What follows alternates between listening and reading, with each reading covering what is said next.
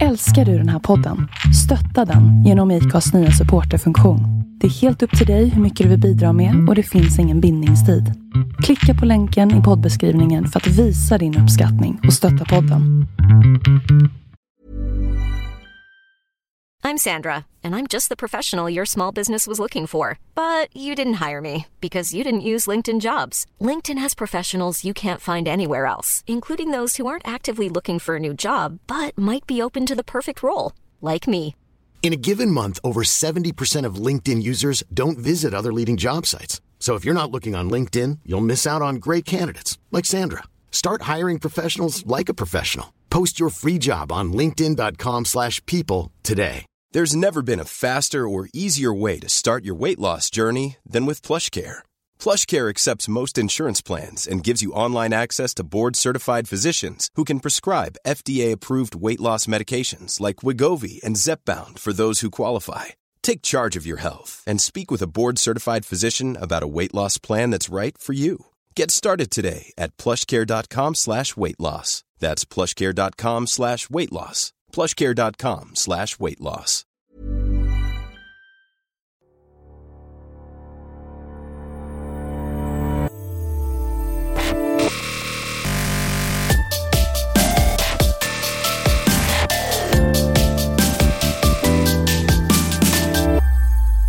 Hej och välkommen till ett nytt avsnitt av Bloggbusiness, en podcast från Better bloggers, ett yrkesnätverk för bloggare.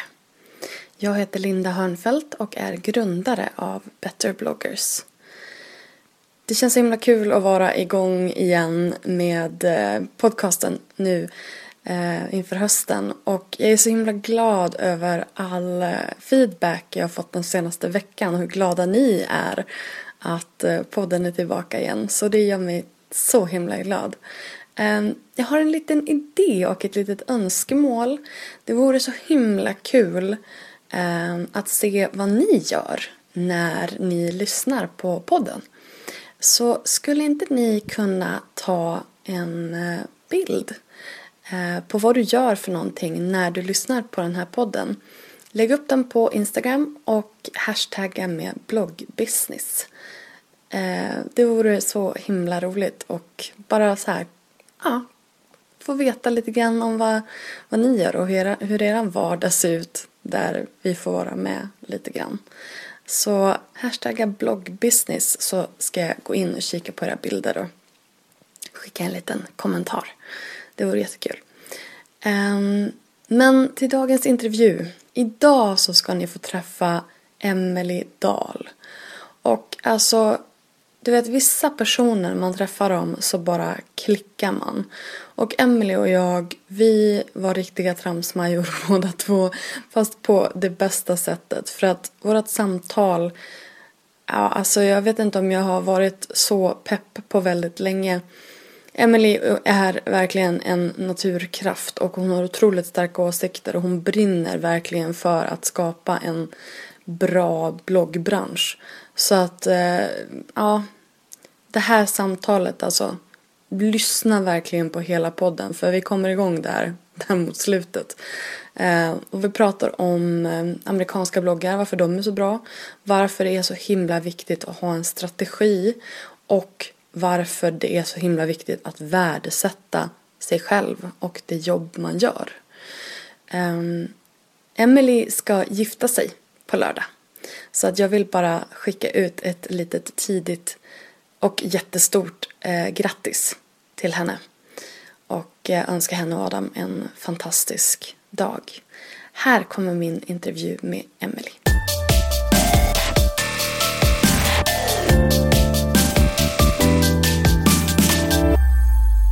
Hej Emelie, välkommen till bloggbusiness. Tack så mycket! Du, nu sitter vi här i din eh, fina studio i Ja. Stureby. Ja, det stämmer. Ehm, det, är, det är lite ekigt här inne. Jaha, jag mår ju så dåligt för det. Äsch! Jag, jag, var, jag var därför jag var tvungen att påpeka det. Jag har ju lurat ut dig hit till min studio med den sämsta akustiken som existerar. Ja, men vi har de två bästa poddrösterna har vi ju kommit fram Ja, till. så sant det får ju faktiskt. liksom väga upp det hela. Ja, det är bra. Men vad fint du har det här. Tack. Jag bara, den där soffan, I want it. Ja, det är min farmors gamla. Jag vet att Eh, min farmor hade en sån här gammal också, men den försvann på någon auktion någonstans. Alltså den där fick jag ju ärva och sen har den liksom stått och väntat på rätt plats i mitt liv och nu har den fått det.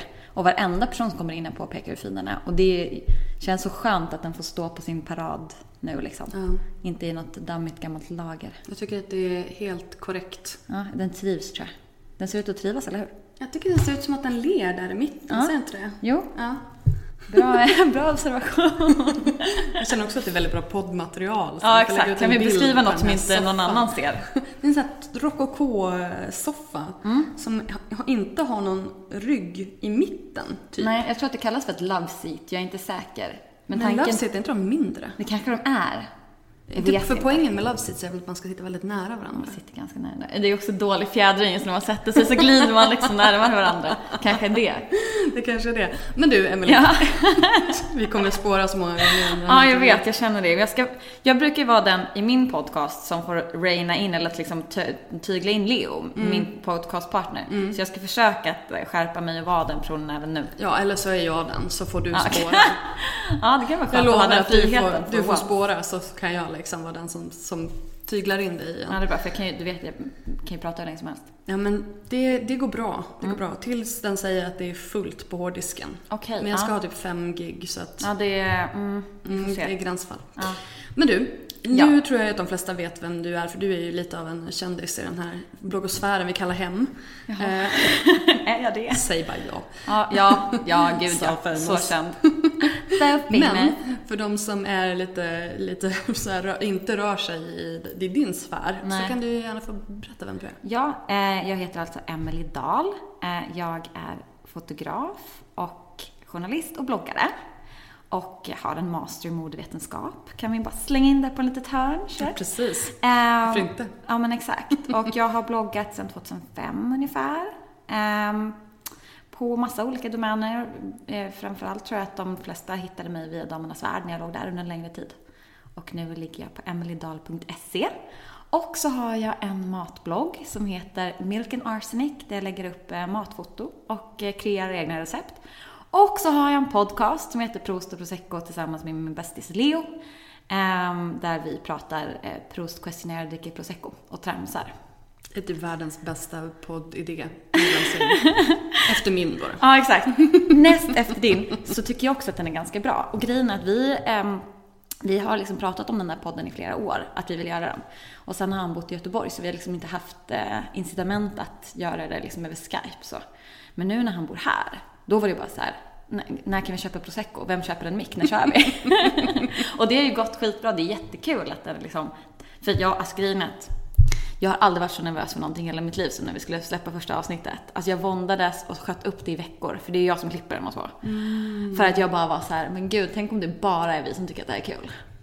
tänk om det bara är jag och Lea som tycker att det här är något vettigt. Samtidigt så spelar inte det någon roll. Det räcker ju. Mm, fast jag känner liksom att eftersom jag har liksom någon slags här äh, ansvar gentemot mina läsare så skulle inte jag vilja vara den som bara så här skjuter ner deras liksom bubbla av vad, de, har, vad de nu skulle ha för uppfattning om mig. Alla, jag tror att alla har ganska olika. Eh, Eftersom det finns på väldigt många plattformar och liksom har många olika järn i elden. Men samtidigt så här, ja, nej det är viktigt för mig hur de, hur de ser mig och att de känner att det jag gör är, är sant liksom. Så det var det som gjorde mig så sjukt nervös. Men sen när jag väl hade gjort det och det var så här, alla bara gud vad bra. Då kändes det bara så här, kan vi göra 40 000 poddar till? För det är typ det roligaste som finns. Precis, gärna 40 000 i veckan. Ja, gud, ja, om du klipper dem. Alltså, eh, klipper du dina själv? Ja, alltså det är ju det jobbigaste tycker jag. Ja, alltså det beror lite på vem man har pratat med och hur mycket liksom små...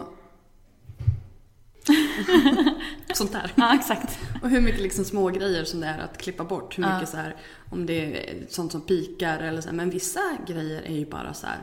Det tar ju ingen tid alls. Nej. Det kanske beror på vad man pratar om också. Och hur mycket prosecco man dricker. Eventuellt. Jag känner kanske att min är på en lite annan Ja, det, är ja, inte det lika jag mycket, det är inte lika mycket trams. Nej, exakt. Förutom den här podden då. Ja, exakt. Här det, är kommer det att bli jag, lite, trams. det är för att jag är en tramsbyxa. Det blir ju så. Det är typ världens bästa uttryck. Jag vet, jag älskar det så mycket. Tramsbyxa. Säger det jätteofta. Mycket, mycket bra. Mm. Men du ser, redan nu har jag tramsat bort oss. Japp, vart var vi? Eh, vem jag är. Jag tycker att jag ändå presenterade det ganska bra. Alltså om inte annat så får man ju känslan. Ja, exakt. Men alltså du, Ja. eh, när började du blogga? Du började blogga 2005. Nej. Varför då? 2005 eller 2006. Alltså grejen är att det här har jag ju svarat på så många gånger. Så och jag, och fortfarande. Du så vet bara- fortfarande inte? Nej men för grejen är att jag, jag tror att det var 2005 för jag vill minnas att när jag flyttade hit 2006 då hade jag redan bloggen. Så det måste vara 2005. Ja, shit jag är tio år i år. Jag Jag- firade precis Jag har tio inte ens år reflekterat över det. Nej. Gud! Men alltså, Det måste man ju göra. men du har på. inte samma... Var började du blogga någonstans då? Då började jag bara blogga på blogg.se.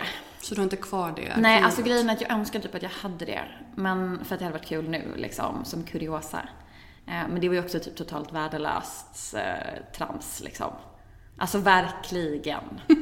Jag vet att jag har sagt det i någon annan podd, men det var väldigt mycket så här, för att jag var så ung och blogga var så nytt och jag ville jobba med mode och det var bara så här, blått är en fin färg, här är fem bilder på blå tröjor. Alltså det är liksom, Det finns de som fortfarande jag gör det. vet, jag vet. Men det är liksom just det. Och sen så eh, flyttade jag till Stockholm och började plugga modevetenskap och då blev det så superpretentiöst istället. Och eh, då, under den perioden så skrev jag och sen så illustrerade jag inläggen huvudsakligen med akvarellmålningar som jag liksom målade och eh, så illustrerade med typ. Vänta, gjorde du dem själv? Ja, jag gick konstskola samtidigt nämligen. Ja, såklart. Eh, Så att det var liksom därför det fick någon slags kreativt utlopp där. Sen så liksom ju mer jag bodde i Stockholm och typ var så här gussig singel och bara så här festade med alla på konstskolan så blev det mer typ eh, festa på Tetron och vara klubbkid-grejen och typ vi var ute och festade med en och K kom och K sa det här. Alltså den typen av liksom blogg som var helt anonym för att mina kompisar tyckte det var jättejobbigt eh, att vara med. Så att jag skrev allting anonymt. Ehm, till att liksom typ mer och mer utvecklas till det det är det idag. Så det har ju verkligen liksom gått genom många förpuppningar och kommit ut som fjärilar är, hela det, är tiden. som det som är så fantastiskt. Därför att man... det är ju livet liksom. Ja, absolut. Och det, det, det här med att bloggen följer livet genom alla de olika larverna och fjärilarna Exakt. som man är. Eh, det tycker jag är lite fint. Och att man kan gå tillbaka och bara, ja just ja, här var jag den personen. Ja, den personen det kanske ju. inte var coolast i världen. Nej men gud, alltså det har jag nog aldrig varit. Men jag Men man har att tyckt det, eller? Eller så kanske det är så att man är världens coolaste person men man har aldrig tyckt det. jag tror, jag tror så här, jag tror att väldigt många människor tycker att jag är cool tills de träffar mig och sen inser de att jag är en tönt. Och då, då faller illusionen. Fast sådana människor tycker jag är ännu coolare. Alltså jag känner ju så här att, för att du vet nu innan vi träffades så har jag ju tyckt att du är rätt cool. Mm, Alltså, sen kom du hit och så bara what the fuck. Fast nu tycker jag det är ännu coolare just för att du är töntig. Det är typ the highest praise. Ja men alltså, och det är det som är så skönt att när, när det är en person som är liksom asball på, på så många olika sätt.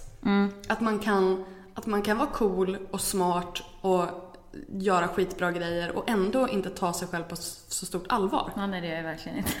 Nej men på ett bra sätt. Alltså, det är inte så att man jag- nedvärderar sig själv nej, bara för att man nej, inte nej, tar sig absolut, själv på allvar. Absolut, och det har du helt rätt i. Och jag tror att mycket av den tiden, alltså om man ska titta liksom bloggmässigt på liksom hela den här situationen, så tror jag att för fem, åtta år sedan, då var jag ju nog mer liksom den aspirerande, coola personen. För att det var ju så det klimatet var då.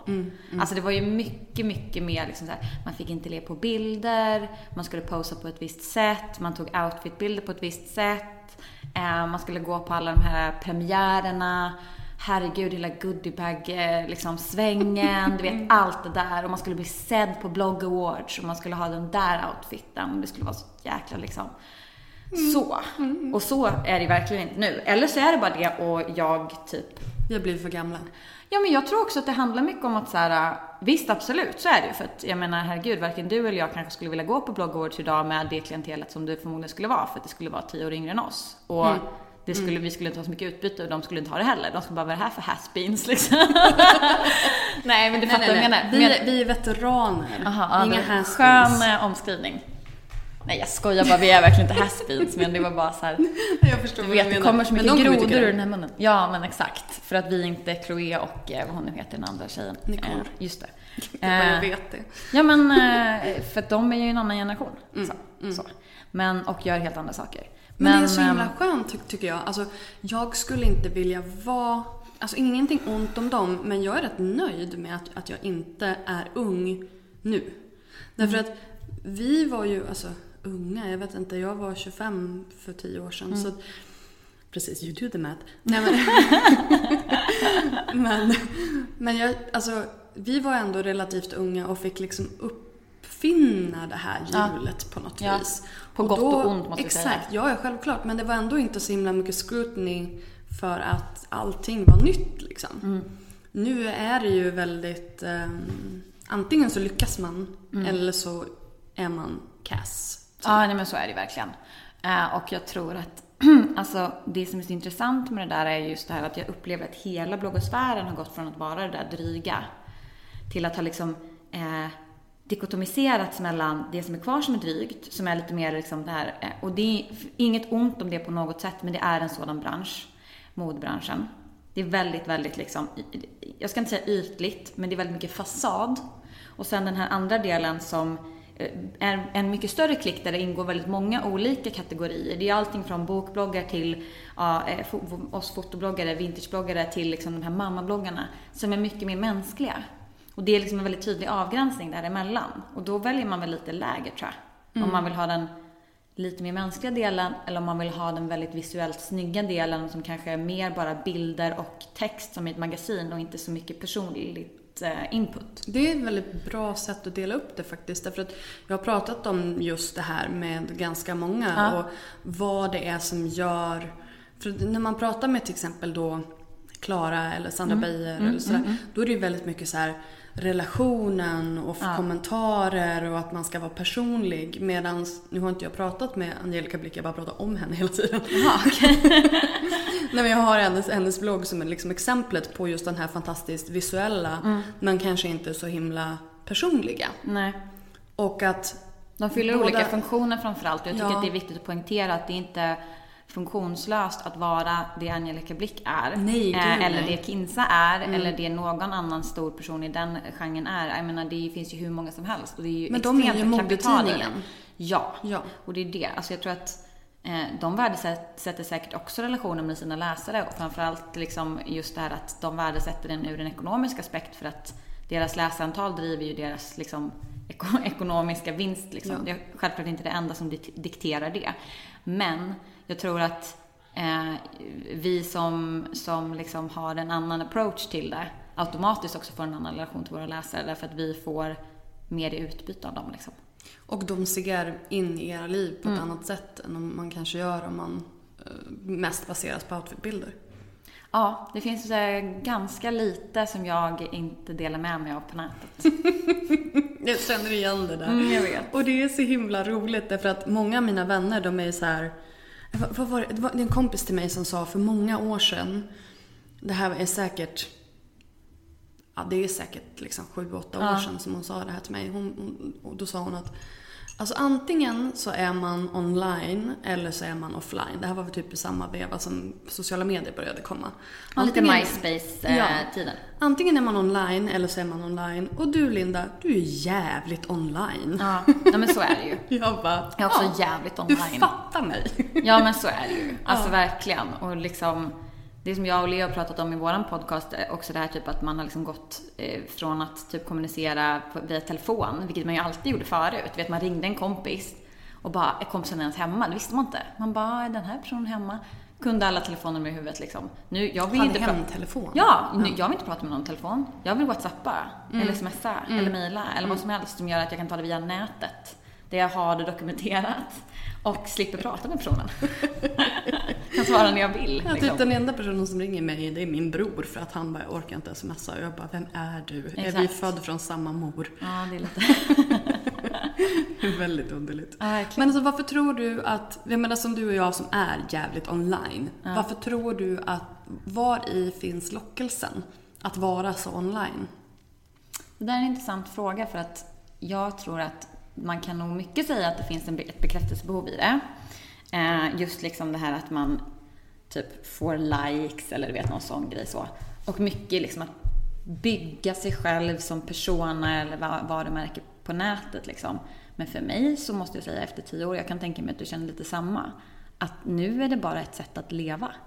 Alltså nu för tiden så har jag väldigt lite tanke på att så här, åh jag måste blogga idag eller åh jag behöver verkligen lägga upp en bild på Instagram. Alltså som jag kanske kände för typ, nu fanns inte Instagram då, men för liksom fem, sex, åtta år sedan där jag kände väldigt mycket pressure att lägga upp saker hela tiden för att vara närvaro på nätet.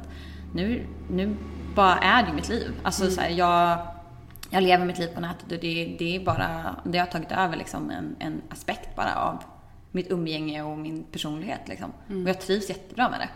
Alltså jag har jättemånga kompisar, jag satt på en middag igår där så här, en av tjejerna hon har liksom typ inte en iPhone och eh, ingen Instagram och tycker att det är jätteskönt. Och jag bara, men gud Ni ska vad se mina uppspärrade Ja, alltså.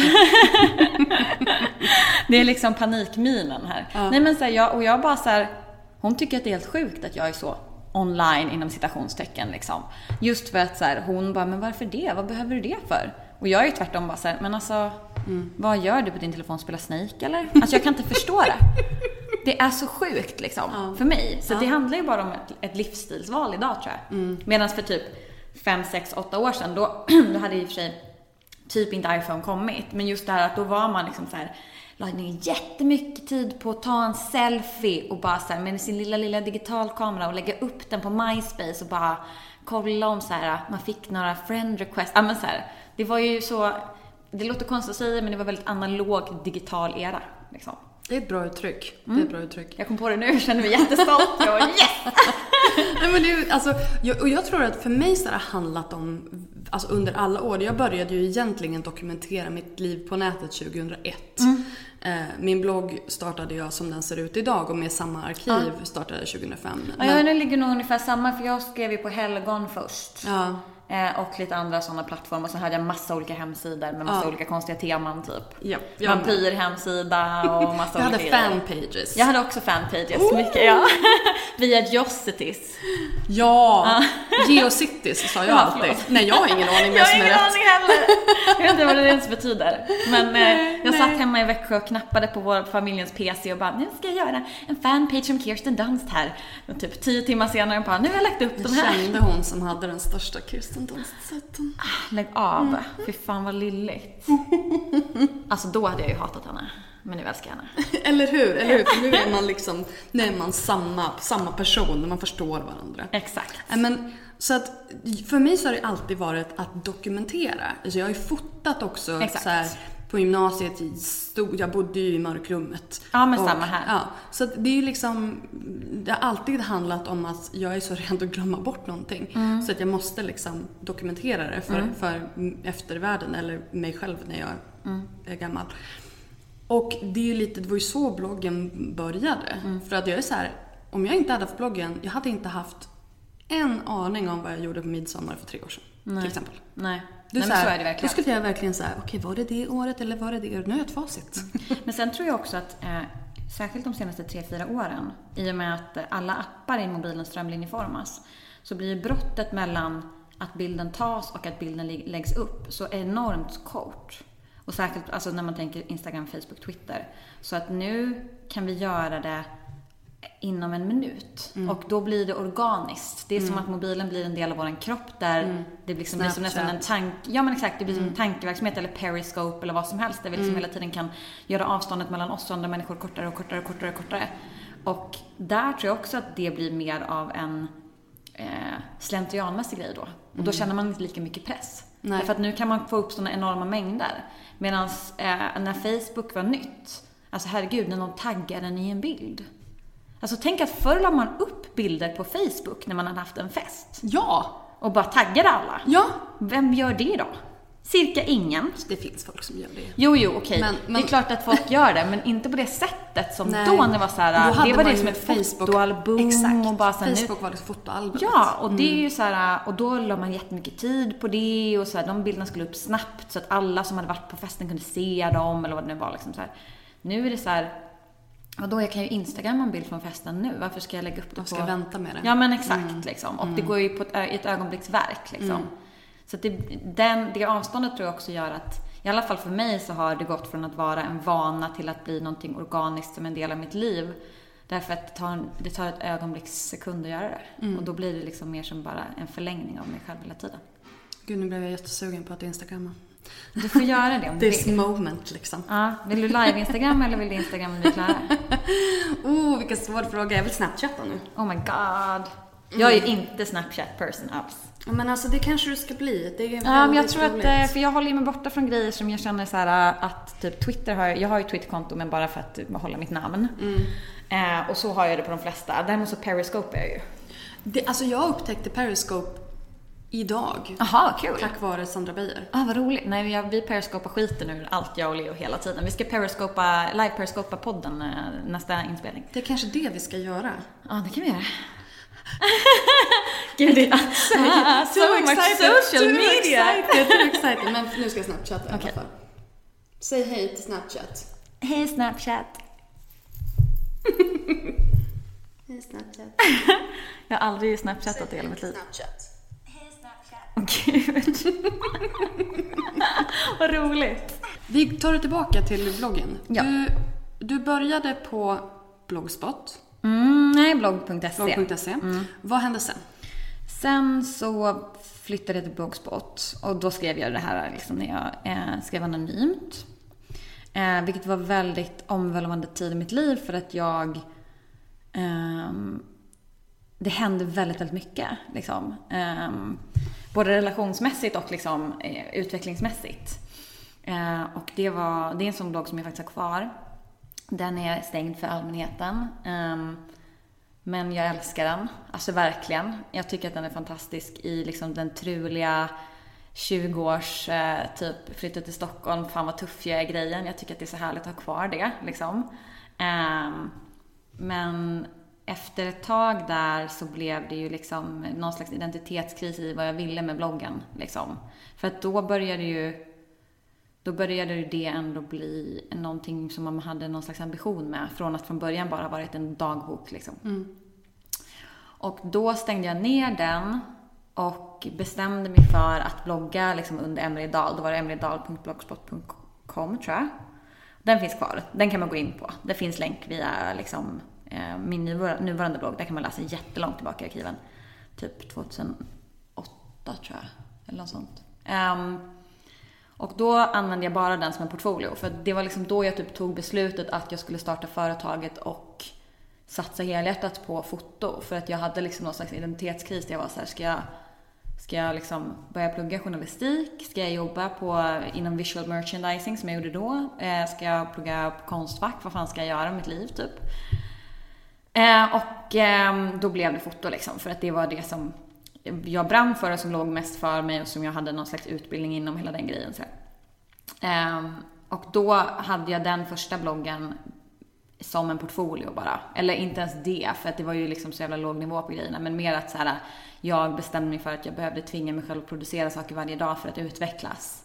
Och sen typ löpte den bloggen amok ganska fort därför att det kom läsare, vilket jag inte hade Alltså jag hade haft innan också, men när man har en anonym blogg där man i huvudsak skriver så är det en helt annan typ av läsare än när man har en, en visuell blogg med i huvudsak bilder. Det är jättestor skillnad.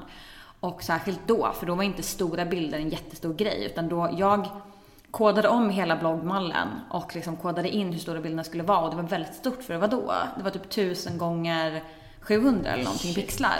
Och folk var så här, typ direkt började skriva bara hur får du bilderna så stora? Det här, hur gör du? du vet, så här. Och jag gjorde hela min mall själv, kodade allting själv, färgsatte allting själv. Klart du gjorde. Eh, ja, för att jag hade ju mina Kirsten Dunst fanpages i bagaget Exakt, så jag kunde ju HTML liksom. Ja. Eh, så det var inte så svårt att göra det. Så eh, då började det liksom helt plötsligt ramla in massa läsare. Och eh, då var det ju bara att börja skriva till dem. Så. Och sen så tror jag kanske efter ungefär sex månader, ett år någonting, så länkade Sandra till mig första gången och skrev ett jättefint inlägg. Och eh, om liksom mig. Och sen tror jag Elsa Billgren också gjorde det kanske i samma veva, jag kommer inte ihåg riktigt. Och sen så då exploderade det ju. Men då hade jag också skrivit på engelska hela tiden. Eh, och då började jag skriva lite så här små snippets på svenska och sen fortsatte skriva på engelska. Sen flyttade jag till Damernas Värld och då ville de att jag skulle skriva på svenska. Så då gick jag över till att skriva på svenska. Ehm, Hur och- fick du det gigget? Ehm, det fick jag för, jag kommer inte ihåg exakt nu, men eh, jag, de sökte, de skulle starta upp damernas eh, hemsida För att den var liksom i princip bara en statisk hemsida som låg där liksom, och var allmänt. Så. Mm, jag kommer ihåg detta. Ja, och då efterlyste de bloggar. Eh, och jag tror att Alltså det är så himla svårt för mig att komma ihåg detta, men jag tror om det var jag själv eller om det var en kompis som skickade in, minns jag inte. Men jag fick eh, uppmaningen via en kompis, för jag läste inte Damernas Värld då så liksom. Eller liksom inte, jag läste typ inga papperstidningar då. Um, och då skickade jag eller hen in, jag tror det var jag, eh, ett, en bara lite så här kort här, så här ser min blogg ut och jag heter det här typ. Eh, och sen gick det aslång tid, glömde bort det. Sen hörde Emma Sund av sig eh, och bara, vill du bli vår första bloggare på Damernas Värld? Eh, för vi ska lansera den nu. Och jag bara, what? Okej. ja, men det, jag kommer aldrig glömma det för att jag var bara så här, satt upp, stirrade på skärmen och bara, vad är det här för spam-mail? Från Emma Sund. ja men exakt, för hon var ju inte heller, alltså jag visste, hon hade ju inte någon så här jättestor blogg då heller. Så, hon hade varit på Veckorevyn tror jag och sen um, Glamour tror jag, eller om det var Solo. Förlåt Emma. Förlåt för att jag inte minns Ja, det här är samma veva som hennes uh, bröllops... Nej, det kom ju efter. Ja, men precis. För grejen, hon, slu, hon slutade ju blogga och började blogga efter mig på Damernas Värld. Mm, okej. Typ som andra blogg då, tror jag. Ehm, men eh, så det var så liksom. Det, det hände. Och sen var jag där i två år tror jag, eller om det var två och ett halvt. Och sen så bestämde jag för att gå till eget och man. Och där är jag nu. När var det? Hur länge har du legat på egen? Oj, vad svårt. Jag tror att det kan vara två år. Men det, det är ju det här, allt flyter ihop väldigt, väldigt mycket. Men, Man får eh, kolla i arkiven. Ja men exakt. Eh, och som, sen är det ju så, alltså vissa arkiv har ju försvunnit av alla flyttar och så. Men det mesta har jag kvar. För att de har varit jättesnälla på damerna och verkligen så här låtit mig få ladda ner alla eh, arkivfiler, vilket är superschysst för det är inte, verkligen inte alla som gör det vet jag. Nope. Så att de har verkligen varit guld med det. Så jag har ju mycket kvar. Vad härligt. Det är jag tacksam för, verkligen. Men alltså, när började du tjäna pengar på bloggen? Ehm, jag skulle säga att det var i samband med flytten till DV.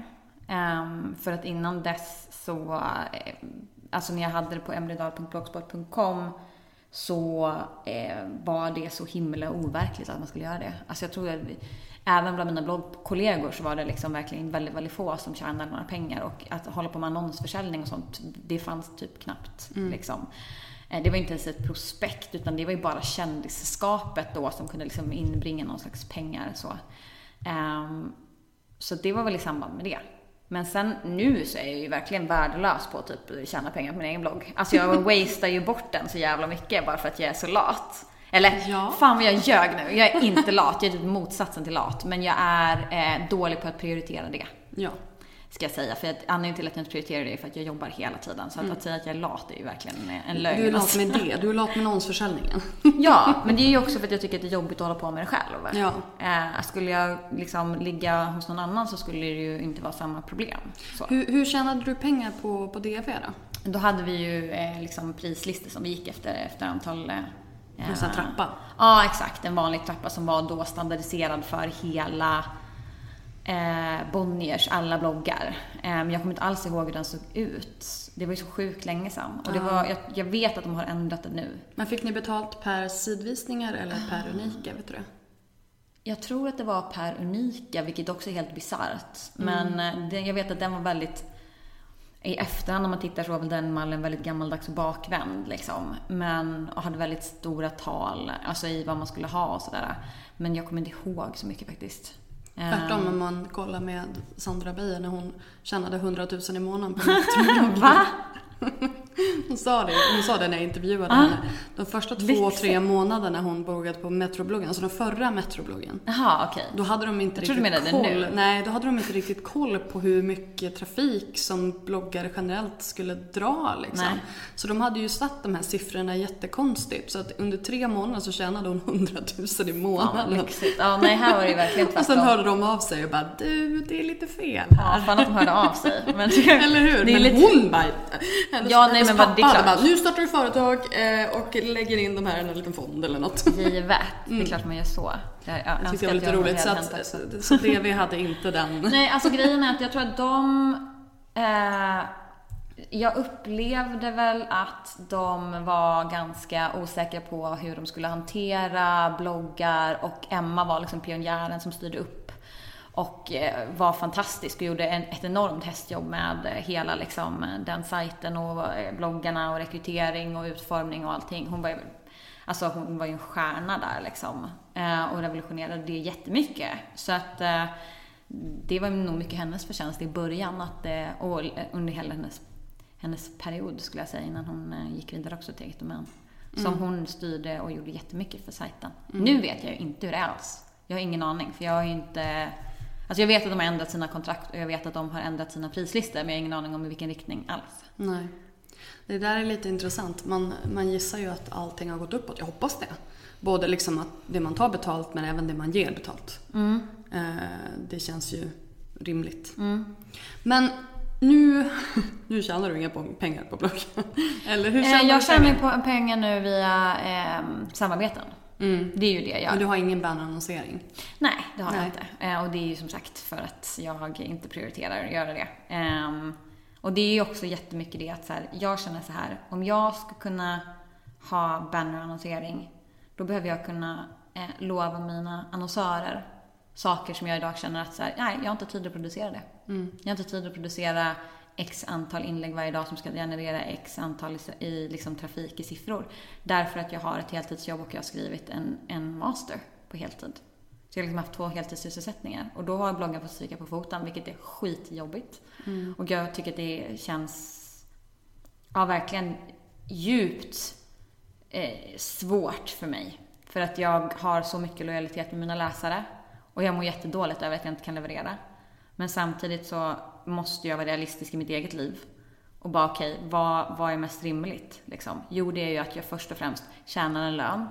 Och att jag slutför mina åtaganden som jag har åtagit mig akademiskt. Och nu när jag äntligen har mastern klar så känner jag ju att jag kan lägga den tiden igen. Så planen är ju att jag ska liksom eh, avancera tillbaks i annonsförsäljningen. För jag har ju skött den innan själv och det har ju inte varit något problem. Så, men det är just det liksom att det tar ju tid på en personlighetsnivå. Att så här, du, behöver, du behöver ha en personlig eh, kontakt med dina annonsörer mm. och, och, förhandla om priser och ha en färdig prislista och kunna liksom, eh, vara professionell i det. Liksom. Eh, och det, det har inte jag känt att jag haft tid att åta mig och därför har jag valt att inte göra det. För att jag skulle inte... Nej, jag, kan, jag känner att jag är alldeles för liksom eh, pragmatisk i det hänseendet att eh, om jag lovar någonting då vill jag leverera också. Men det tycker jag är bra. Det är en väldigt god egenskap. Jag tycker att det är viktigt att framför allt se bloggandet, om man ska se bloggandet som ett yrke, då måste man också vara medveten om att inom ett yrke så ska man leverera. Ja. Eh, och det tror jag är en sån sak som är skev idag, men det har blivit bättre. Men det är verkligen så här, eh, det är ett yrke för mig. Det är inte mitt huvudsakliga yrke på något vis. Därför att jag livnär mig inte på det på det sättet som liksom jag skulle kunna göra.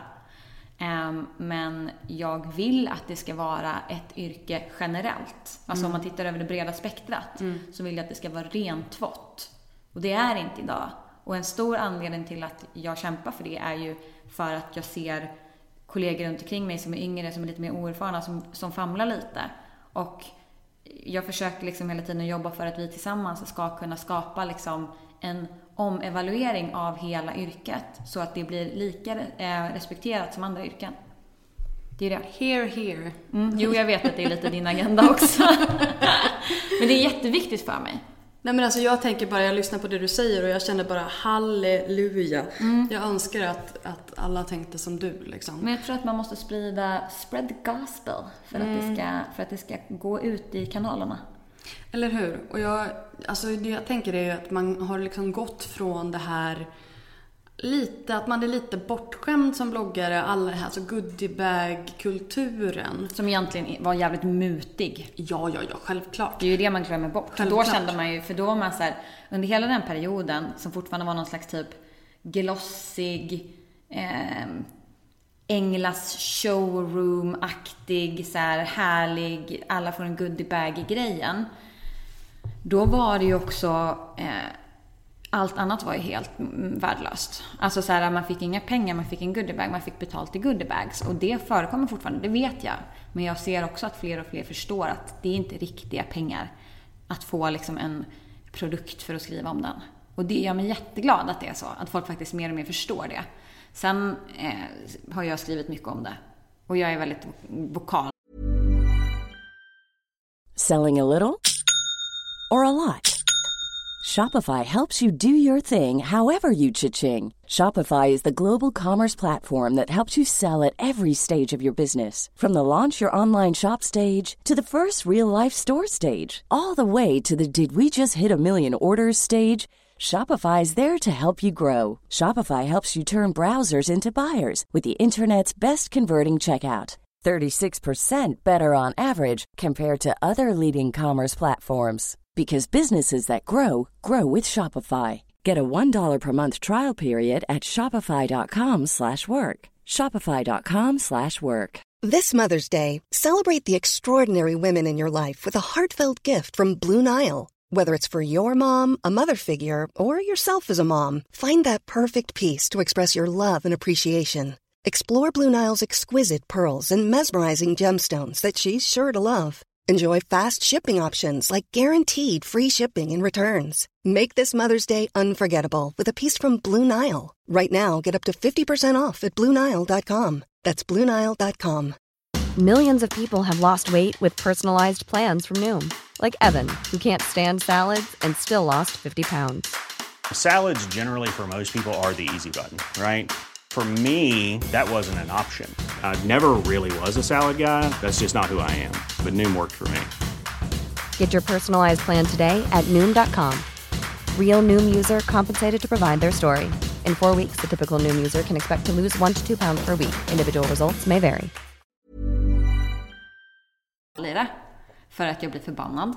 Eh, men också för att jag jobbar som journalist. Så jag vet hur det funkar med pressetik. Och det gör mig ännu mer arg. Då, när folk inte kan sköta sig. Liksom. Eh, det känns viktigt att få ta det ansvaret, men det är också där i som jag lägger då att så här, jag, kan inte producera, jag kan inte göra löften att producera saker som jag inte själv kommer hålla. Så. Det är någon slags eh, litet typ mantra. Så. Jo men alltså det är ju som du säger, det handlar ju om att hålla någon slags arbetsmoral. Yrkesmoral. Och standard tycker jag. Ja. Jättemycket att det Och- handlar om också. Det här tycker jag är jätteviktigt. Jag menar, det, och det är det jag försöker säga att när man, när man betalar för exponering hos bloggare då ska man inte heller vara rädd för att ställa krav. Men det är det också som är så svårt att i och med att det är PR-byråerna som oftast har haft de här relationerna med bloggare och så ska man gå till att då betala för exponering. Det gör ju att den relationen blir lite komplicerad. Ja, absolut. Eh, för att i ena sekunden så ska du vara den som bara Ja men gud vi tycker så mycket om dig, kan inte du skriva om den här? Och försöker liksom smöra lite. Ja, lisma in sig lite. Och i nästa sekund så ska man ställa krav. Mm. Och det gör ju som sagt att, att relationen blir lite komplicerad. Exakt. Ehm, men... Jag, jag, förlåt, fortsätt. Nej, nej, nej. Alltså, men jag säger bara det att men jag tycker att som företag så har man allt att vinna på att betala för sin exponering och ställa krav Absolut. på, på bloggaren som, Absolut. som leveran, leverantör av Givet. liksom content.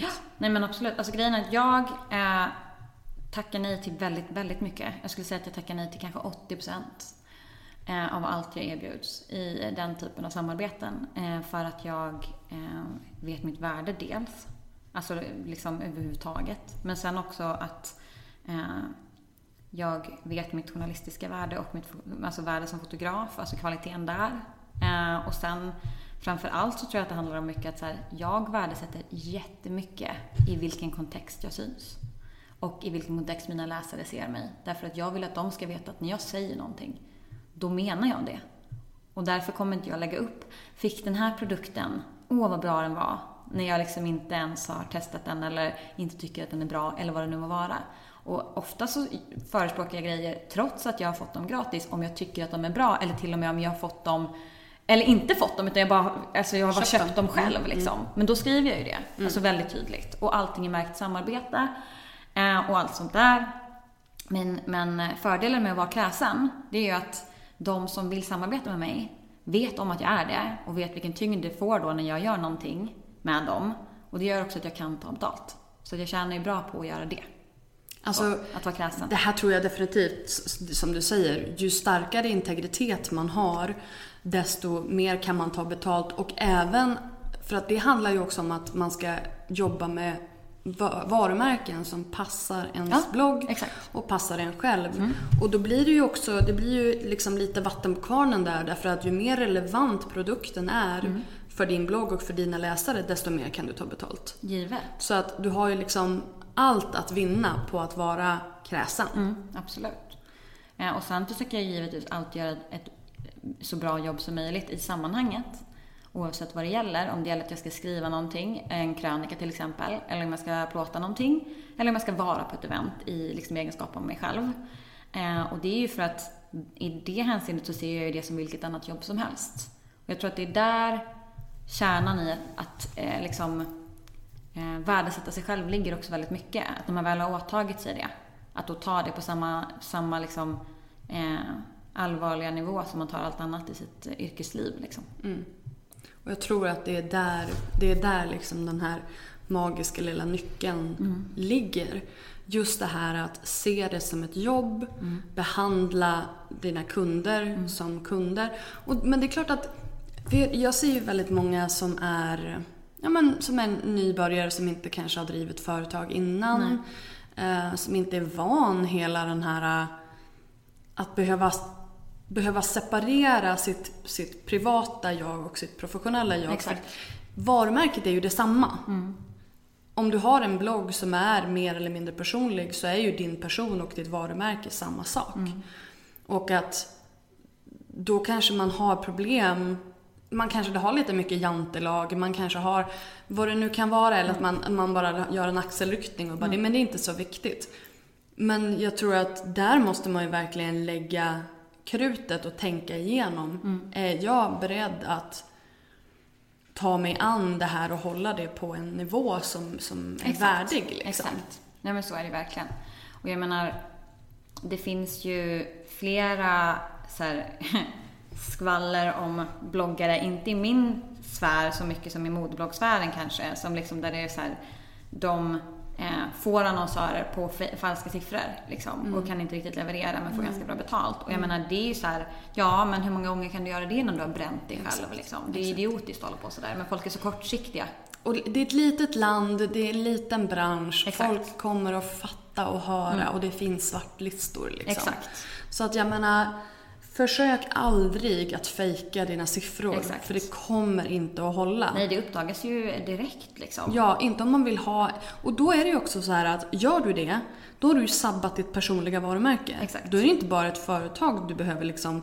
Du kan inte byta jobb eller Exakt. komma tillbaka utan då är det verkligen din person som blir nedfläckad. Exakt. Så att inga genvägar. Det finns inga genvägar till perfekta ljudet. Åh gud. Jag är så tramsig nu också. Nej, men det, där, det där är intressant också för att eh, när Sverige som bloggland började liksom växa, då var vi pionjärer. Och nu har USA sprungit om oss så jävla mycket. Och jag tycker att det är så sjukt intressant att se. Därför att USA och amerikanska bloggar i alla genrer Eh, pysselgenre, eh, DIY-genre, bröllopsgenre, modegenre, vad det än må vara. Där har företagen, PR-byråerna och bloggarna gått ihop och verkligen mergat i fantastiska samarbeten eh, som genererar skitmycket pengar och där de fortfarande liksom håller sig väldigt professionella.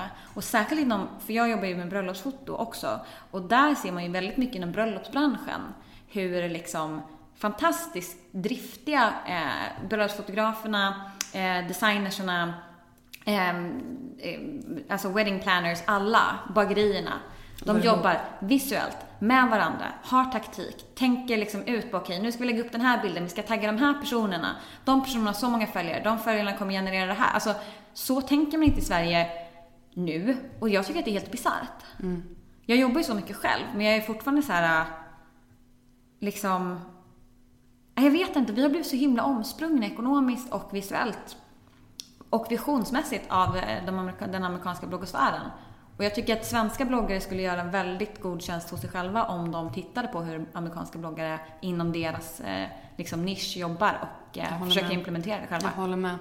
Och just det här att, liksom, att se på sig själv som ett varumärke, att kanske även skapa flera ben. Exakt. Jag menar som du är, du är fotograf, du är bloggare, du är Exakt. Mm. journalist. Alltså du har ju många fler ehm, just det här att man, både det här att man nischar sig men även att man liksom hittar sekundära inkomstströmmar. Ja, för det är det. Alltså grejen är att jag har ju en huvudsaklig inkomst och det gör ju att jag kan vara picky och choosy med vilka jag jobbar med. Om det här var min enda, eh, om, alltså bloggande var min enda inkomstkälla och jag levde på det, då kanske jag skulle ha en helt annan uppfattning om vilka annonsörer jag jobbar med, hur jag arbetar och så vidare. Jag sitter ju i en guldsits på ett sätt i att jag både kan ha bloggen och eh, lägga skitmycket tid på den och samtidigt inte, om jag vill, generera vinst på den. Därför att jag har en annan lön.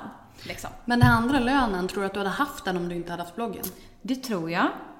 Absolut. Men jag tror att jag hade fått ta andra vägar för att få den. Um, för att eh, jag fick liksom inte de första jobben via bloggen eller så. Alltså det tog ganska lång tid. Um, och eh, idag så har bloggen väldigt lite att göra med mitt jobb, eh, generellt.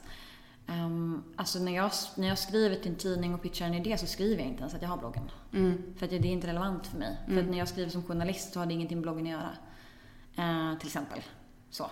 Nej, um, men jag tänker liksom just det här att man har ändå ett, ett varumärke som sträcker absolut. sig jo, över... Jag, förstår, jag förstår hur du tänker. Alltså jag tror att Eh, den huvudsakliga anledningen till att bloggen har varit viktig, förutom att den har utvecklat liksom mitt, eh, mitt skapande jättemycket och mitt visuella språk, liksom, för det har det ju verkligen gjort, så har det ju varit en eh plattform för att, förlåt, så podcast, podcastskadad så man vet att det där kommer låta så dunsigt och störigt. Jag älskar att du vet det, för jag bara...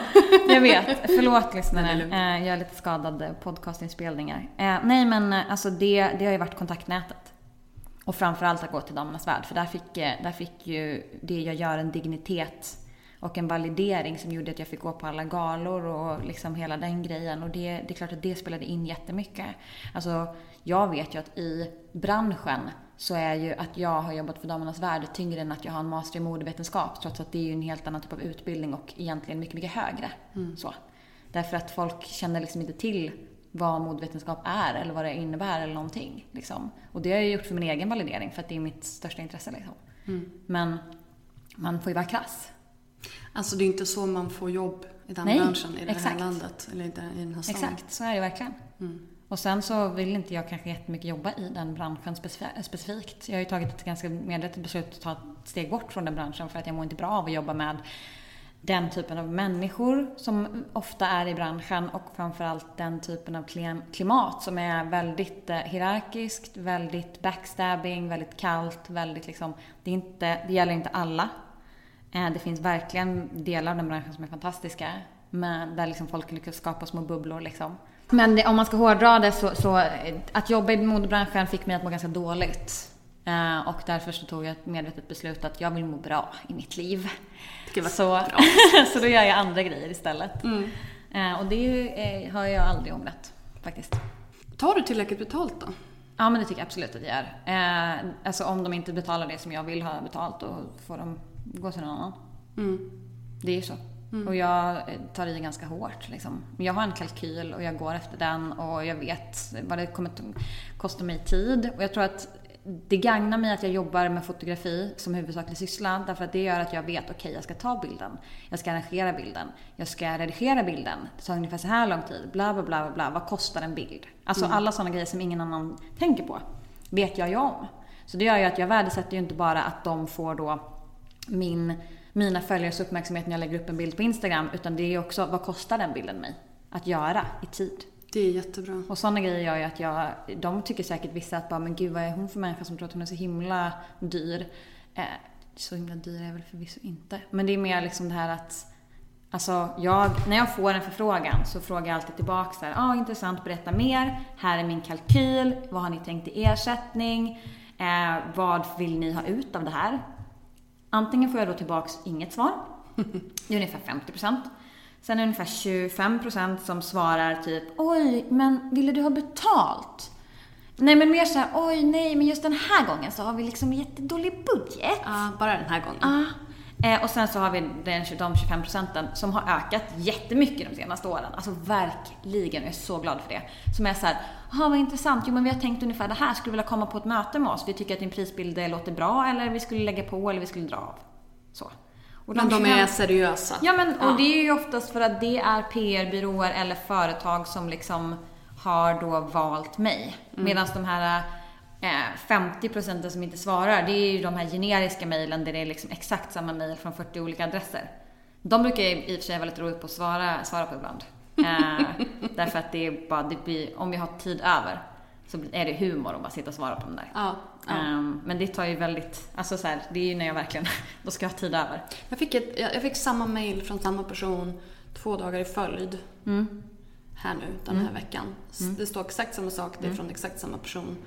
Mm. Ehm, och jag hade inte svarat på det första. Liksom. Det hade varit ännu roligare om jag faktiskt hade svarat på det. Mm. Men jag brukar svara, jag säljer inte länkar. Nej men exakt. Nej men jag, jag har ett, eh, en PR, eh, någon slags brandingbyrå som brukar mejla. De mejlar liksom exakt samma mejl fast från olika personer. Ja, mm, mm, mm, mm. Så att de har bara en mall Ja, det är samma. Ja men det tror jag säkert.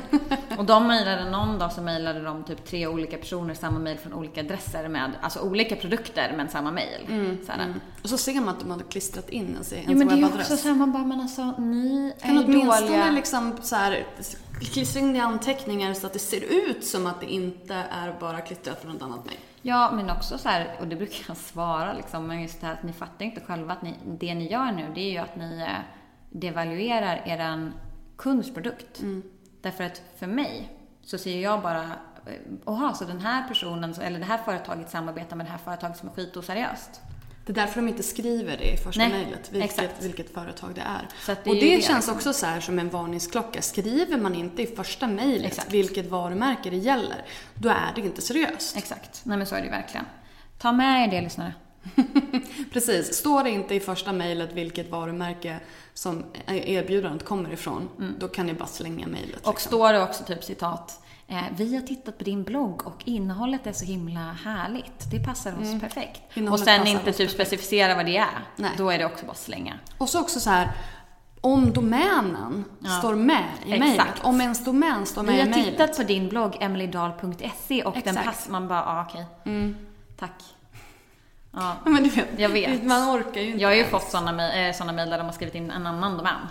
Oh, Ja, det är jätteroligt. det är faktiskt lite roligt. Då har jag för då, svarat. då har man inte ens gjort sitt jobb som, alltså, inte ens basic Nej, jag vet. liksom. Nej, jag vet. Det är roligt. Och det är det här som jag, för alltså ibland så kan jag se eh, bloggar Mm. ehm, som är jättefina bloggar, skapar jättebra content. Yes. Och så sen kommer det ett inlägg om en kasino Oh, webbplats liksom. de där jävla kasinona. Och du vet, och jag blir så ledsen. Jag blir verkligen innerligt ledsen när jag Jag ser en sån, en sån blogg. För jag bara, du är värd så mycket mer. Jag brukar mejla om det någon jag känner. Nej, alltså nu ska inte jag outa. Men du är såhär, nej, Ja. ja. nej fortsätt. Nej, men jag ska, jag ska inte outa den här personen nu för att jag vet inte om hen vill vara med i bloggen, eller i eh, podden så att jag ska inte säga någonting men det var faktiskt ett sånt, en sån situation för några år sedan eh, där den personen på sin blogg hade en tävling som inte var i enlighet med lotterilagen. Eh, och då påpekade jag det. Eh, ganska direkt. Såhär. Eh, för den bloggen är helt fantastiskt fin och bara såhär, så himla grym. Och jag visste att den här personen inte gjorde det liksom med någon slags typ illvilja eller det, var ju, det handlade bara om att personen inte hade blivit informerad om liksom, kraven som hen hade på sig. Ehm, och eh, Eh, hen blev jätte så här, åh förlåt och gud vad dum jag är. Och så här, jag bara, nej men det är inte alls det. det. Det handlar ju bara om att jag vet det för att jag har lärt mig the hard way liksom. Jag har i och för sig inte haft den typen av tävlingar men mer just det här att man, när man ligger på en större domän också som DV så har man ju andra krav på sig och sådär.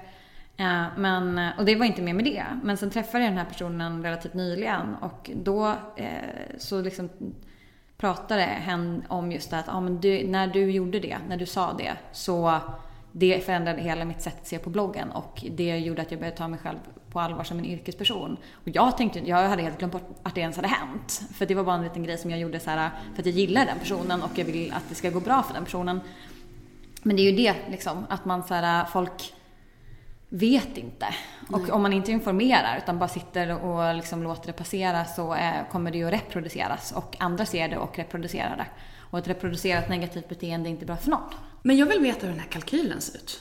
Alltså kalkylen idag är eh, ganska förlegad för att nu så vet jag, typ. Eh, när jag skriver en krönika så går jag efter vad jag tar per tecken för en journalistisk text.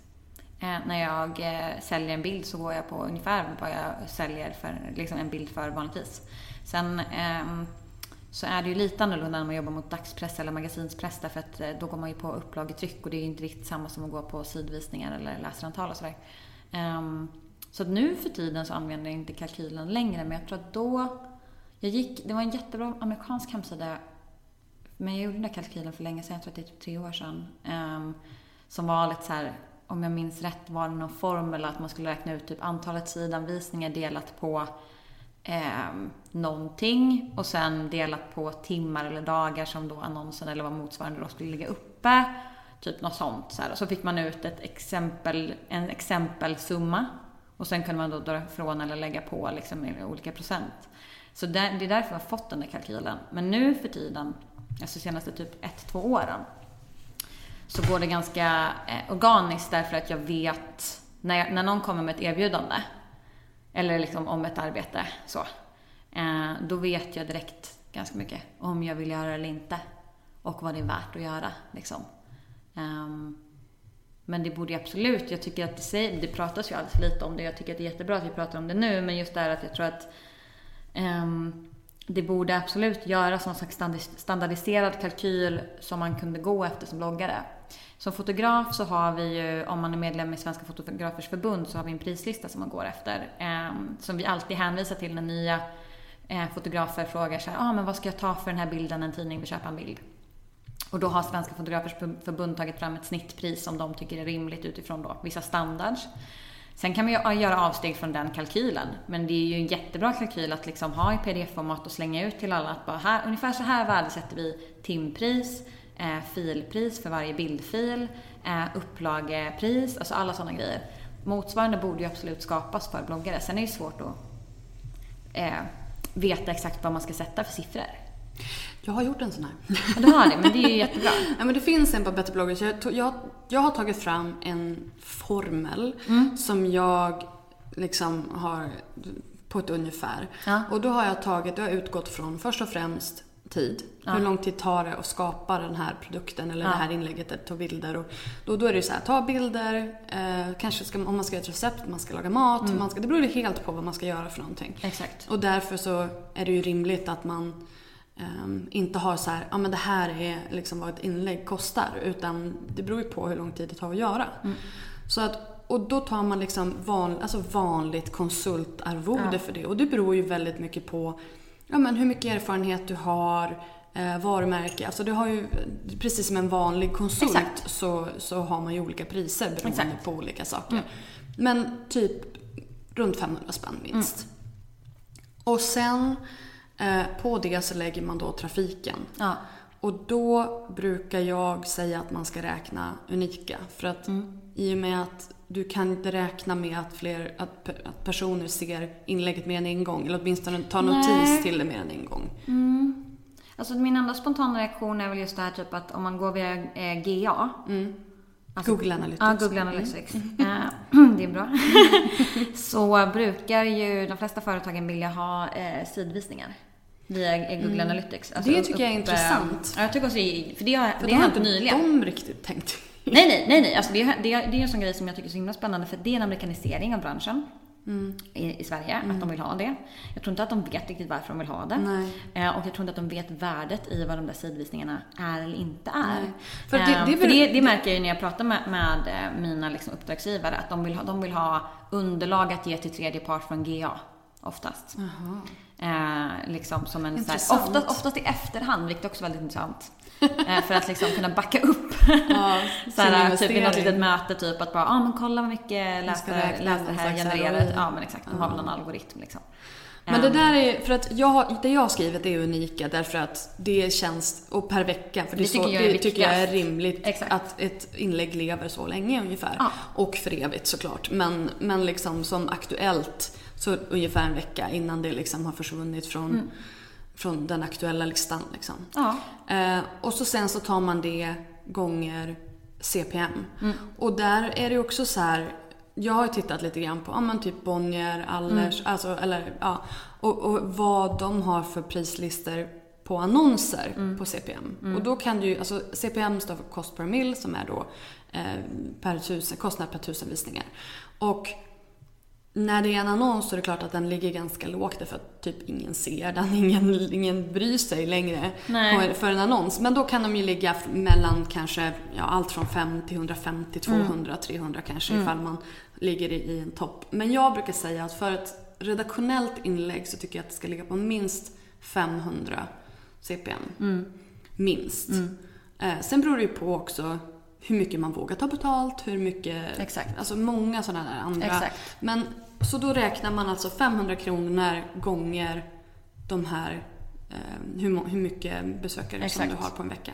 Och där har du liksom ett grundpris som du kan använda för ett sponsrat inlägg. Exakt. Ja men det är, ganska, det är ganska likt min. Jag kommer inte ihåg exakt då, att det var så länge sedan jag gjorde den. Eller såg den och typ mer eller mindre skrev av den måste jag väl säga. Men, men jag gjorde försvenskade den lite grann. För det var någon så här, det är, det, de, alltså det är så roligt, alla så amerikanska sådana sajter från för typ 4-5 år sedan är ju så världsfrånvända. Och sen när man tittar nu så har ju de gått om oss så mycket. Så det har ju hänt jättemycket i USA. Eh, vilket är sjukt fascinerande. Men där snackar man verkligen om att de har lärt sig att alltså create content. Och där är ju vi nu, att vi börjar kunna det. Men det, det det var det jag ville fråga. Vad, vad är det för någonting som vi bör lära oss av dem? Hur ska vi gå tillväga för att komma Eh, ikapp? Jag tror att det handlar mycket om att ha en strategi. Det är den ena grejen. Att om man ska, om man vill, så här. Lyssna noga. Om man vill behand, bli behandlad som att det är ens yrke, då behöver man också behandla det som att det är ens yrke. Och då behöver man ta det på fullständigt allvar och ha en strategi. I alla kanaler. Inte bara på en blogg. Och man behöver se över, hur ser min blogg ut? Det är den första grejen. För att det finns så många bloggar som är, har fantastiskt content, alltså innehåll. Men som ligger på typ blogg.se eller motsvarande i någon liten mall med blåa länkar och det är liksom inte anpassat för mobilenheter och det är liksom eh, bilder som poppar upp i så här, det kallas för lightbox när bilden poppar upp när man klickar på den istället för att liksom antingen öppna sitt nytt fönster, alltså ni vet allt det här. Och där, att utforma bloggen. Jag får panik när jag går in på en blogg som inte är läsvänlig. Då går jag bara ut direkt. Det spelar ingen roll vad det är för content. Det spelar ingen roll om det är en kompis blogg. Det är bara såhär, nej, det här går inte. Där är USA fantastiska. Därför att de har, eh, via till exempel Squarespace eller en annan motsvarande, så har de liksom fått eh, plattformar där du kan göra grejer snyggt. Du kan göra det via vilken mobilenhet som helst. Det är direkt mobilanpassat. Mycket är retina-anpassat. Det är liksom handgjorda typsnitt. Eh, Det är skitsnygga länkar som är bilder, som är tecknade. Alltså alla de här grejerna som ger mervärde, mervärde, mervärde. Och det gör vi inte i Sverige på det sättet. De enda bloggarna som ser ut så, eller de flesta bloggarna som ser ut så, eh, är och det måste toot my own horn lite grann, men det är vintagebloggarna framförallt. Jag tror att det är för att vi är mycket i DIY-svängen. Svängen? Svängen. Svängen. Eh, DIY-svängen, gud. Det blev inte lättare Nej, det blev skitsvårt. Men vi är där i alla fall i den svängen. Och där har det skett den största liksom, utvecklingen i USA. Så jag tror att där är DIY eh, vintage-bloggarna väldigt tidiga. Och det ligger oss eh, väldigt naturligt till hands också eftersom vi är inne mycket på Pinterest och jobbar mycket med typsnitt och har det här visuella liksom. Men den andra grejen, förutom liksom hur bloggen ser ut, det är just det att så här, om du ska om du ska liksom förvänta dig att någon ska se dig som en yrkesperson, då måste du också hantera det som ett yrke även de dagarna du inte får betalt. Och du måste producera bra text, bra bild eh, i flera sociala medier. Du måste vara lojal, du måste vara närvarande, eh, du måste finnas på flera plattformar du måste ha en taktik. Och det finns massa olika sätt att göra det. Till exempel på Twitter. Jag är inte aktiv på Twitter. Adam, min fästman, sköter mina sociala konton på Twitter. För att han är mycket bättre på det och han jobbar ju med social datastrategi. Så det är ju också en match made in heaven. Precis, Eh, skaffa en sån kille. Exakt. Det är också tips. Eh, Bli ihop med en person som Adam. Nej, men ehm, han sköter det. Och han har så här, ah, men nu har jag implementerat den här pluginen. Den gör att jag kan lägga in content för en vecka och sen kommer det automatiskt skjutas ut successivt. Det där är också amerikanskt. Sve- Svenska bloggare jobbar inte så. Och det är ju liksom, nej det är klart att det inte är kul att blogga om det tar skitlång tid att göra det. Men om du effektiviserar då kan du ju lägga all din fokus på att det ska bli pers- personligt content. Och inte behöva tänka så mycket på att du ska redigera jättemånga bilder, skriva jättemycket text, hela den grejen. Utan att man mer tittar på så här, okej, eh, jag har ett schema. Jag vill lägga upp det här under en vecka. Säg att jag har haft en fest, jag vill lägga upp bilder från det. Jag vill blogga om att jag har en ny podd ute. Jag vill skriva en personlig text. Då liksom, gör ett schema, skriv efter det, var medveten, var inte så slumpmässig. För att du går inte till ditt jobb på morgonen i en butik och bara är lite slumpmässig med, ja ah, idag kanske jag ska sälja en sko och sen kanske jag ska gå hit bort och så kanske jag ska sopa lite där. Alltså du vet ju när du kommer på morgonen, för du har ett schema. Ska du leva på din blogg, vill du ha det som en business, du måste ha ett schema, du måste ha en taktik, du måste vara medveten. Nu är jag klar. Jag älskar dig. Men det är ju detta som också är såhär bara, ja det är jävligt lätt att säga det, men jag gör ju inte det själv. Eller jag gör ju det själv, men jag tar inte betalt för det. för grejen är så här hanterar jag ju allting hela tiden själv. Men jag har ju det här som mitt företag. Så jag jobbar ju så här med till exempel mina, min bröllopspage för mitt bröllopsfoto. Där jag jobbar jag jättemycket så. Men Mjölk och arsenik som är mycket mer liksom arbetsbetonat, därför där lägger jag ju ut jobb. Det är också mycket mer så. Min hemsida är så. Eh, mina tre Instagram är så. Liksom. Eh, men på... du har så få kanaler. Exakt, jag har bara typ alldeles för mycket för mitt eget bästa. Det var ju så här, åh, det var så roligt. Det var, jag tror att det var Sandra på Atilio, tror jag att det var. När jag startade typ en till Instagram. Hon bara, men gud vad bra! Nu har du en till kanal du ska fylla med content. Du vet, så bara himlat med ögonen typ. Jag bara, ja förlåt. Men det är det, alltså jag tror att så här, att vara på många plattformar, ha ett varumärke och vara proffsig i det, det är fortfarande USAs sätt att se på det. Därför att där är det ett yrke att vara bloggare. Mm. Och det är respekterat. Mm. Och bloggarna får jobba med stora klädmärken, stora eh, generella liksom, tidningar, de får skriva, de får göra massa grejer. Medan i Sverige så har vi liksom hamnat lite i bakvattnet efter den här stora revolutionen där vi inte riktigt vet hur ska vi hantera det här? Ska vi värdesätta det? Kan man ta betalt för ett inlägg på Instagram? Jantelagen. Jag tror på riktigt att jantelagen är lite grann inne och petar på det där. Därför att USA, där är det så här, the land of dreams och du kan göra allt som mm. du put your mind to. Och jag tror på riktigt att det är lite det. så. Därför att här i Sverige så är det så, men inte ska väl jag? Nej men inte det här bra? Kan jag göra någonting med det här? Medan där är det verkligen att du, du kan liksom tjäna pengar på precis vad som helst. Ja, men jag köper det helt och hållet. Absolut. Och sen så tror jag också så här, det är väldigt intressant. Ehm, jag upplever att eh, i USA så värdesätter bloggosfären mycket mer typ workshops och den typen av utbildningar. Medan i Sverige, och det, det ser jag ju mer inom fotografsvängen. Men så här, när eh, jag liksom ser alla de här workshops som är i USA, särskilt inom bröllop, där det är så här, ah, blomsterbindarkurser och det är liksom eh, make your own podcast eller vad fan som helst. Det är liksom så mycket mer. Där är folk villiga att betala för att göra det och verkligen förkovra sig inom det. Medan i Sverige så är det lite som att så här, dels värdesätter folk inte att förvärva ny kunskap inom någonting, vilket är jättetråkigt. Det här gäller absolut inte alla och jag är så glad att mina fotokurser går jättebra och mina redigeringskurser. Så jag ska absolut inte så här, vara någon Debbie Downer på det sättet. Men just det här liksom att jag ser ju det typ när det, när det kostar lite mer, för mina kurser är inte så dyra heller. Men sen när det kostar lite mer, då är folk såhär, eh, nej, eh. Och att inte investera i sig själv är så jävla svenskt. Ta till exempel eh, att det finns inom bröllopsfotografibranschen eh, väldigt många så stora workshops. Liksom. Och i USA eh, tillhör det vanligheterna. Samma sak inom matblogg och matstylistbranschen. Där till exempel, eh, jag har ju på Milk and Arsenic så följer jag ju jättemånga på Instagram, så här, fantastiska kreatörer liksom. Och eh, alltså jag menar, det spelar ingen roll vad de har för, för eh, ingång, om de håller på med eh, origami eller om de håller på med blommor eller mat eller bröllop eller vad det nu än är. Men i eh, liksom USA och i vissa andra europeiska länder, där kan de ju ha så bara en biljett för 10 000. Eh, kom till det här landet och bind blommor med oss foraging, liksom. Gå ut i skogen med oss och plocka lite blommor och så lagar vi mat och binder dem. Typ så här. Och det går hur bra som helst. Därför att folk värdesätter på ett helt annat sätt den unika kunskapen i kreationen som de här människorna har. Medan i Sverige, så vi är bra på andra saker, men just när det gäller att värdesätta folks kunskap som unik, så är vi väldigt dåliga. Därför att du kan ju ingenting som inte jag kan. Liksom.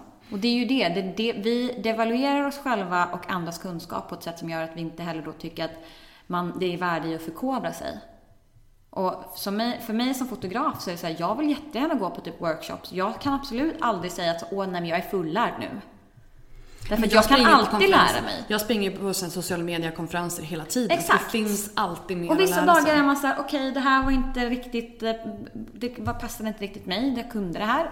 Men de flesta gångerna, om man har gjort sin research liksom, så lär man sig skitmycket på det.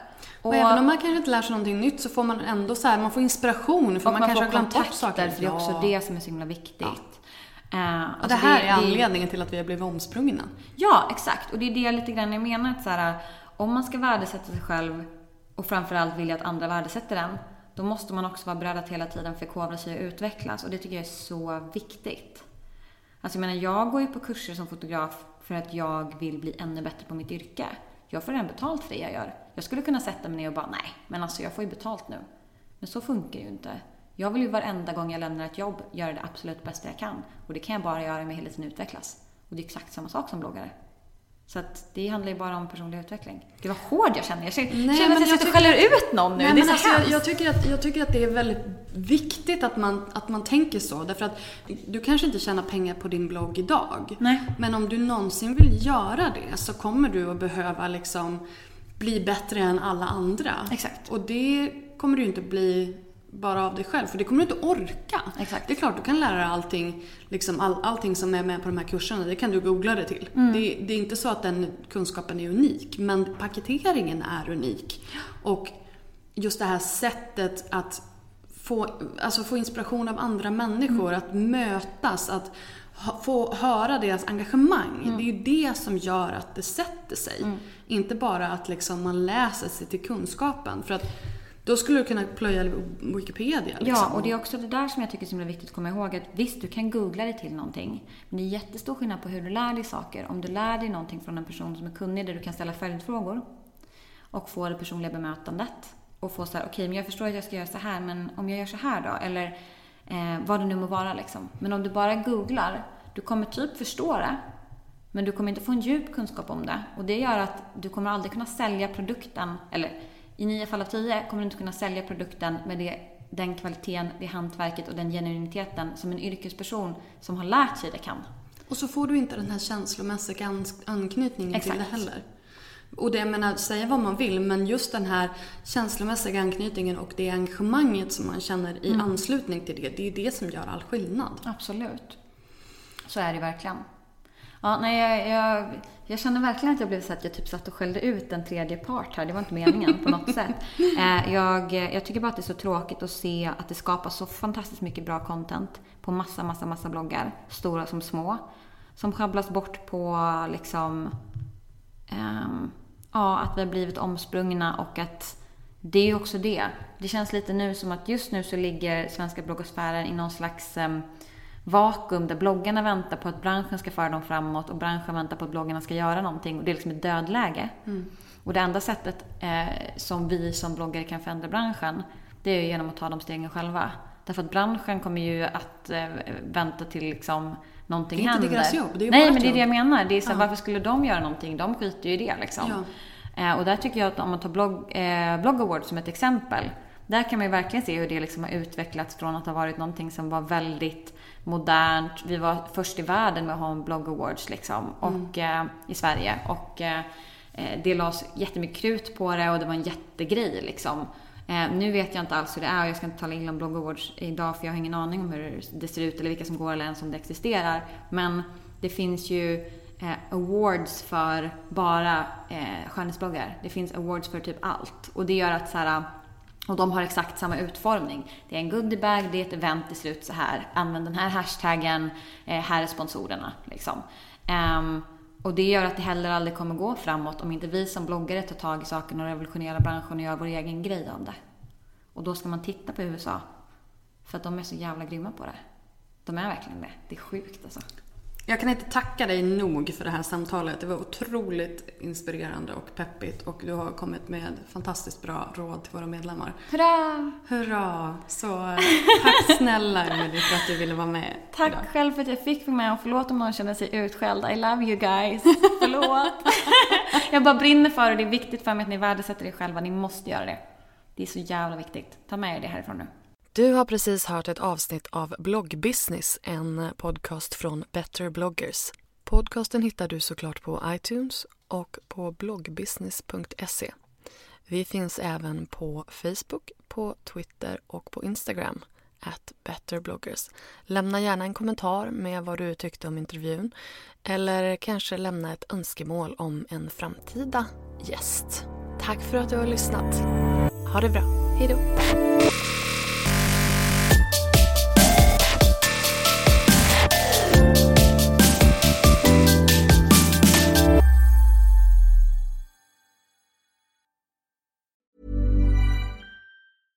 Imagine the softest sheets you've ever felt. Now imagine them getting even softer over time. That's what you'll feel with Bowl and Branch's organic cotton sheets. In a recent customer survey, 96% replied that Bowl and Branch sheets get softer with every wash. Start getting your best night's sleep in these sheets that get softer and softer for years to come. Try their sheets with a 30-night guarantee. Plus, get 15% off your first order at bowlandbranch.com. Code BUTTERY. Exclusions apply. See site for details.